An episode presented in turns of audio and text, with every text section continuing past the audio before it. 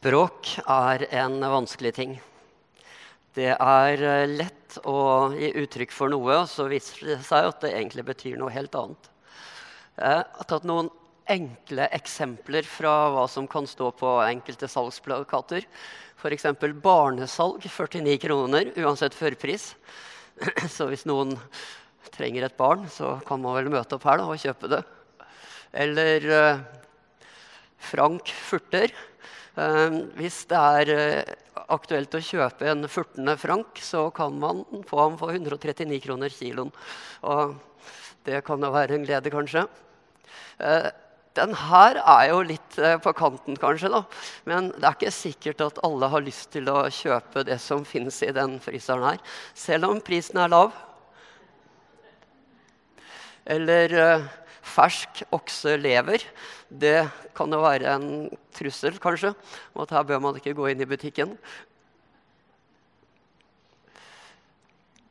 Eh, ord er vanskelig, språk er vanskelig. Og dette er noen uskyldige eksempler på hva som skjer når vi kanskje ikke helt klarer å beherske eller forstå språket.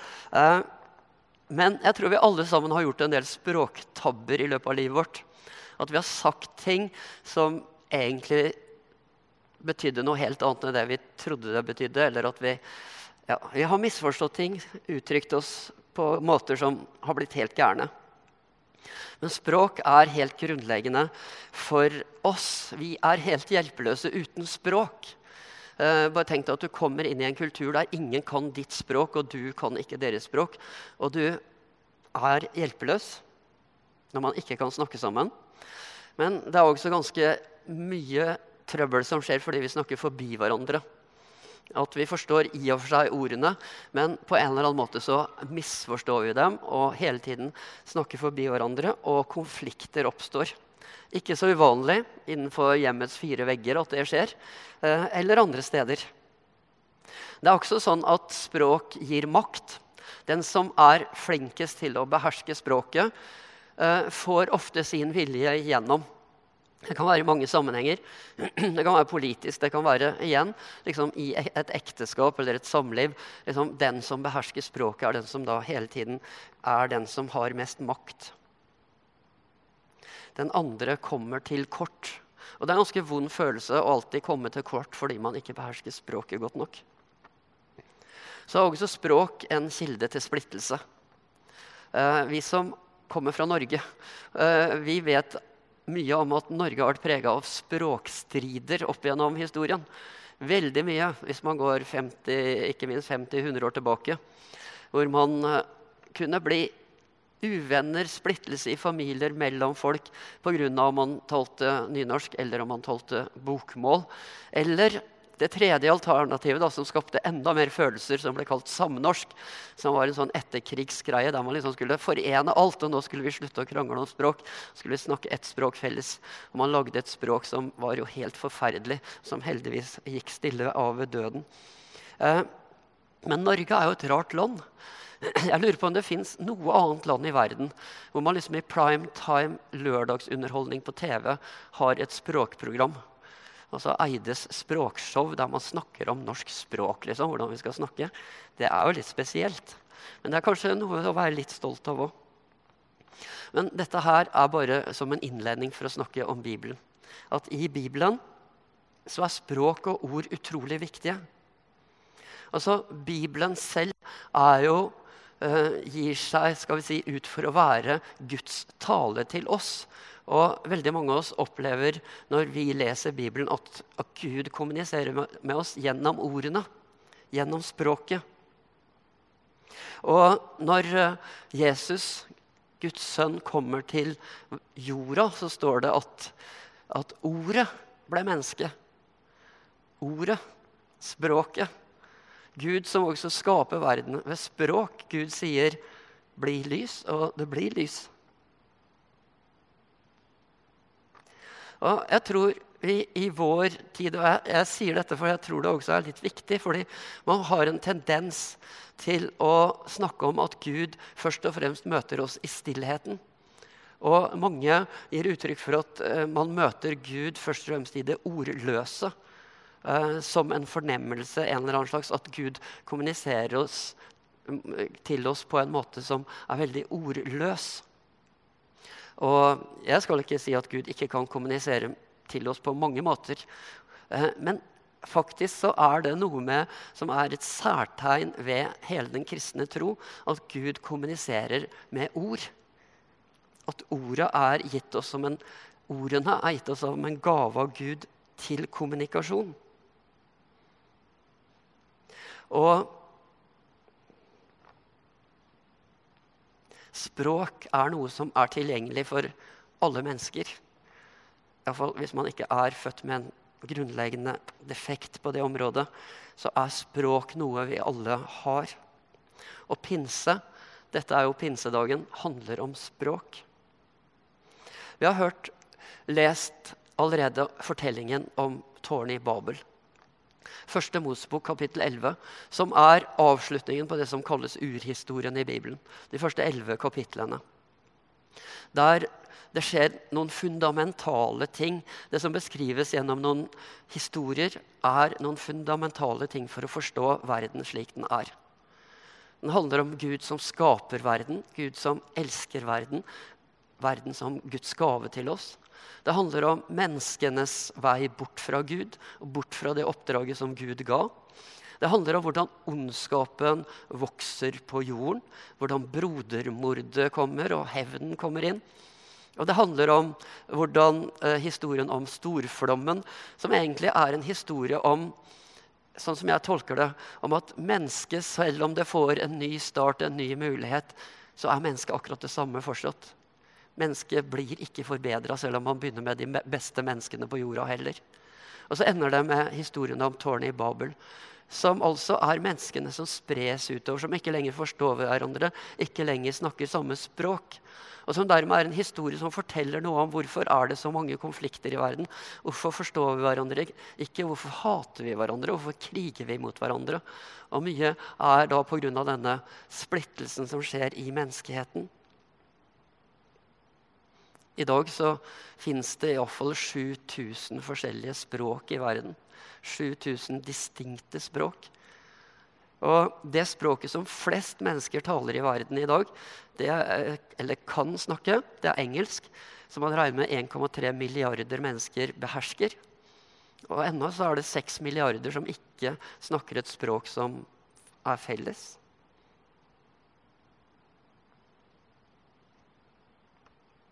Vi forstår ikke hverandre. Og det er i den konteksten pinse skjer. Pinse som beskrives i Apostlenes gjerninger 2, som er det som er uh, dagens tema. Uh, da pinsedagen kom, var alle samlet på ett sted. Plutselig lød det fra himmelen som når en kraftig vind blåser, og lyden fylte hele huset hvor de satt. Tunger som av ild viste seg for dem, delte seg og satte seg på hver enkelt av dem. Da ble de alle fylt av Den hellige ånd, og de begynte å tale på andre språk ettersom ånden ga dem å forkynne. I Jerusalem bodde det fromme jøder fra alle folkeslag under himmelen. En stor folkemengde stimlet sammen da de hørte denne lyden. Det ble stor forvirring, for hver enkelt hørte sitt eget morsmål bli talt. Forskrekket og forundret spurte de, er det ikke galileere, disse som taler?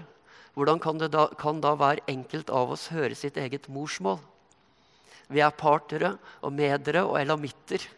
Folk som bor i Mesopotamia, Judea og Kappadokia, i Pontos og Asia, Frygia og Pamfylia, i Egypt og Libya-området, mot Kyrene, og innflyttere fra Roma, jøder og proselytter, kretere og arabere. Og vi hører dem tale om Guds storverk på vårt eget tungemål på vårt eget språk. Pinse er egentlig starten på Guds helbredelse av verden. Der han skaper et nytt fellesskap, der man forstår hverandre. Der folk ikke lenger spres ut, men samles. Og de samles over språkgrensene på pinsedag. Alle disse som egentlig ikke taler det samme språket. Og det skapes et nytt fellesskap der språkbarrierer, eller der sosial ulikhet, eller der etnisk bakgrunn, eller hudfarge eller kjønn ikke lenger betyr noe. Paulus, han, når han skal beskrive dette fellesskapet, så sier han at uh, Gud gjør ikke forskjell på folk. Han sier at her er det ikke jøde og greker. Her er det ikke slave og fri. Her er det ikke mann og kvinne. Dere er alle ett i Kristus Jesus.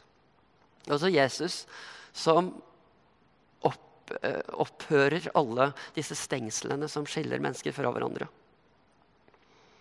Et nytt fellesskap i en splitta verden og der kommunikasjon gjenopprettes. Der tillit gjenopprettes. For det er jo også noe når vi ikke forstår hverandre, så har vi ikke tillit til hverandre. Eh, et sted for fred, et sted for forsoning, et sted for fellesskap. Og på det beste så har Kirken vært det gjennom historien. Der menigheter har skapt unike fellesskap for mennesker fellesskap som har brutt med alle disse eh, skillene som gjør at vi holder oss fra hverandre. Og det er det tydeligste tegnet på at Ånden er til stede. Altså hvis jeg skal spørre, hvor, Hvordan kan jeg vite om Den hellige ånd er til stede her? Kan du se ildtungene? Vi kan ikke det, men kan vi se Åndens virkninger? Og Da kan vi jo se sånn som i Galaterne 5, som helt grunnleggende beskriver hva Åndens virkninger faktisk er.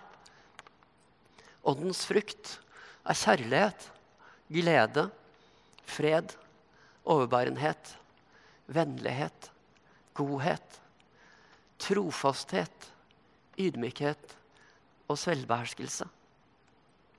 Gjenkjenner du disse tingene i dette fellesskapet? Uh, gjenkjenner du disse tingene i livet ditt? Da er det et tegn på at Guds gode, hellige ånd er hos deg, berører deg. Og det står videre lever vi ved Ånden, så la oss også vandre i Ånden. Det betyr altså Tenk på disse tingene. La de prege din vandring, din vei gjennom livet. Den du er, dit du går. La det være da, kjærlighet og glede og fred og overbærenhet og disse tingene som Den hellige ånd faktisk skaper. Og disse tingene de handler jo ikke om ekstase. Eh, den hellige ånd kommer til jorden på pinsedag. Kommer midt i det menneskelige fellesskapet, midt i den yrende byen. Det er ikke sånn at vi skal løfte oss opp for å komme opp i den åndelige sfæren. For å se eh, ånden må være der oppe et sted. Jeg må få tak i han, jeg må trekke han ned. Vi må opp i en slags åndelig boble der, der, liksom, der Gud er til stede. Og jeg tror det er ofte det vi har så lett for å gjøre. At vi tenker at det åndelige det må være noe ekstraordinært. Det må være noe annet enn det helt jordiske, det helt vanlige. Og så gjør vi ofte ånden vanskelig å finne. Liksom noe vi må jobbe veldig for å klare å få en bit av det åndelige og gripe fatt i. Men det pinsedag handler om, er jo at Den hellige ånd er utøst over deg over alle som tror på Jesus. At Den hellige ånd lever i deg. At du trenger ikke lete etter alle slags merkelige fenomener eller lete inn i følelseslivet ditt eller et eller annet for å tenke er det virkelig noe der. Men prøv å se helt konkret på hvordan du faktisk lever livet ditt. Og spør er det noe av åndens virkning jeg faktisk klarer å se her. Klarer jeg å se noe kjærlighet, overbærenhet, Klarer jeg å se noe selvbeherskelse? Klarer jeg å se godhet og ydmykhet i livet mitt? Og det er jo sånn, tror jeg, for de fleste at, at vi kanskje ser at uh, vi skulle godt gjerne ha litt uh, større doser av mange av disse tingene. Men, men, likevel. Det er kanskje lettere å prøve å etterspore enn hele tiden å lete etter flammene og alt det andre. Det handler ofte om språk, disse tingene òg. Og vi begynte med språk. og La oss legge litt vekt på det. At hva du sier, og hvem du sier det til eller sier det om, det handler mye av disse tingene om. Hvem du snakker med, og hvem du ikke snakker med. Det er pinsetid. Det er, det er tid for helbredelse og fellesskap. Det er tid for, eh, for nyskapelse. Dette er en tid for glede og for håp. Og kanskje vi skal tenke Gud, Den hellige ånd, kom og helbred språket mitt. Det jeg snakker om. De jeg snakker til. Det jeg fyller ordene mine med. La det være noe som bygger opp menneskene rundt meg. Og gi meg det språket, gi meg den kommunikasjonen som gjør at jeg kan snakke med deg i bønn. At, jeg kan snakke med, at vi kan snakke med hverandre, og at jeg kan bruke dette språket også til å snakke med alle mennesker jeg treffer. Sånn som Når pinsedagen kommer, så hører de dem forkynne Guds storverk på sitt eget språk. Kanskje du og jeg klarer å finne det språket og få det språket. Kanskje har vi det språket som gjør at Guds storverk på en eller annen måte kan formidles gjennom de ordene og det vi har. Og da tenker jeg, da slipper vi pinsen løs. Da slipper vi pinsen løs i eget liv, i våre omgivelser. Egentlig vil vi erkjenne at pinsen den er hos oss hele tiden. Ånden er hos oss hele tiden. Vi kan bare få lov til å gå i det som han har lagt ferdig for oss. Du hører noen taler fra Fredrikstad frikirke. Vi holder til i Apenes gate 7. Velkommen skal du være. Ønsker du mer informasjon, finner du det på fredrikstadfrikirke.no.